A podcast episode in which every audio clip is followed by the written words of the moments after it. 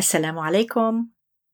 أهلا بكم أحبتي الصغار في حلقة جديدة وقصة مفيدة من حكايات تيتا story time with تيتا. أنا تيتا أمل وسوف أقرأ لكم اليوم قصة لطيفة تعلمنا أهمية المشاركة مع الأصدقاء. القصة بعنوان الزحلوقة وهي بقلم عبير الطاهر. هل أنتم مستعدون؟ نعم. هيا إلى القصة.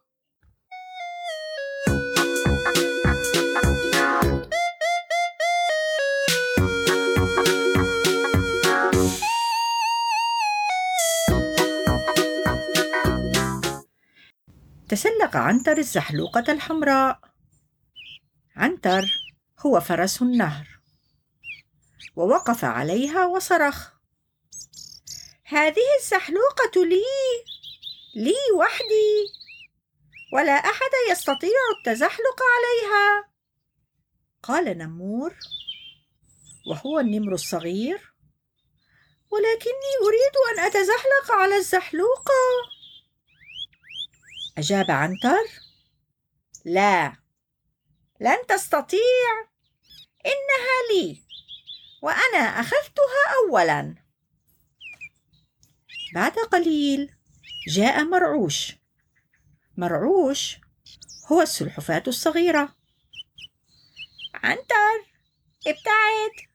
أريد أن أتزحلق. صرخ عنتر بغضب. هذه الزحلوقة لي لي وحدي ولا أحد يستطيع التزحلق عليها. أجاب مرعوش. الزحلوقة ليست لك. إنها لنا جميعا. بعد قليل دخلت رندا ووردة ساحة اللعب. رندا ووردة هما الزرافتان التوأمان. سألت رندا هل الزحلوقة لعنتر وحده؟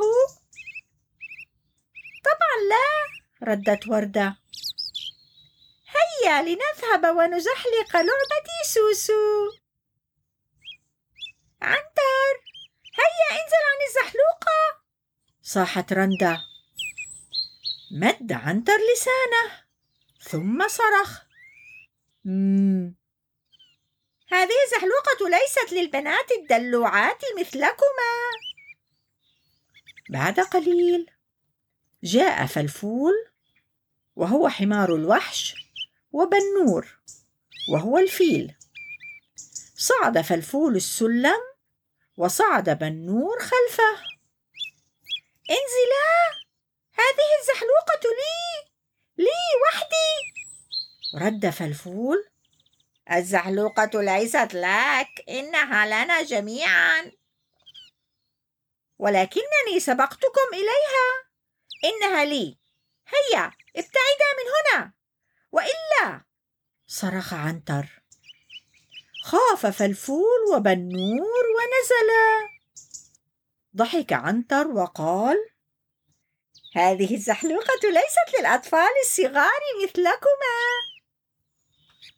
بعد قليل مل الأولاد من الوقوف حول الزحلوقة فتفرقوا. بقي عنتر وحيدا على الزحلوقة. أوه. مللت. قال عنتر في نفسه. ولا أحد يريد أن يتزحلق على الزحلوقة. وهكذا صارت الزحلوقة له وحده. ولكن لماذا يبدو عنتر غير سعيد؟ ما رأيكم يا أصدقائي الصغار؟ هل تعرفون السبب؟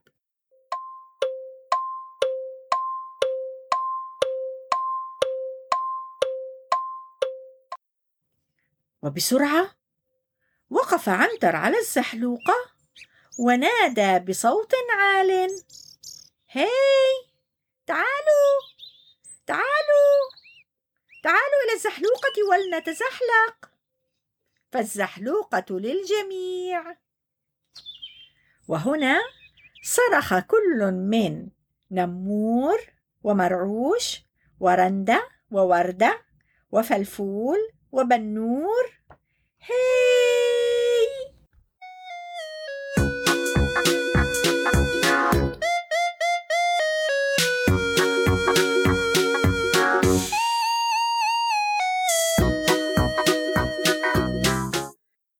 لقد تعلم عنتر درسا مهما وهو أن المشاركة باللعب مع الأصدقاء يجعلنا نمضي وقتا أكثر فرحا وسعادة. فنسعد ونسعد أصدقاءنا. أتمنى أن تكون قد أعجبتكم هذه القصة أحبتي الصغار كما أعجبت أحفادي. شكرا تيتا أمل على هذه القصة الجميلة. كانت هذه القصة من منشورات دار الياسمين للنشر والتوزيع. أود أن أسألكم أحبتي الصغار متى وأين تحبون أن تستمعوا إلى حكايات تيتا؟ أرسلوا لي بالإجابة مسجلة وسوف أحاول أن أذيعها في الحلقات القادمة. عندما سألت أحفادي هذا السؤال أجابوني بما يلي. متى تحبون أن تستمعوا إلى حكايات تيتا؟ قبل النوم. وعندما أتناول طعامي. أنا أحب أن أسمع حكايات تيتا في السيارة وأنا ذاهبة لمدرستي. وقبل أن أنهي هذه الحلقة أحبتي الصغار ومستمعي الكرام أود أن أذكركم بالإستبيان. سوف تجدون الرابط في أسفل الحلقة. أتمنى أن تشتركوا في الإستبيان قبل نهاية شهر يناير. وسوف نقوم بعمل قرعة لاختيار ثلاثة فائزين ليحصلوا على مجموعة من القصص التي قرأتها في المدونة.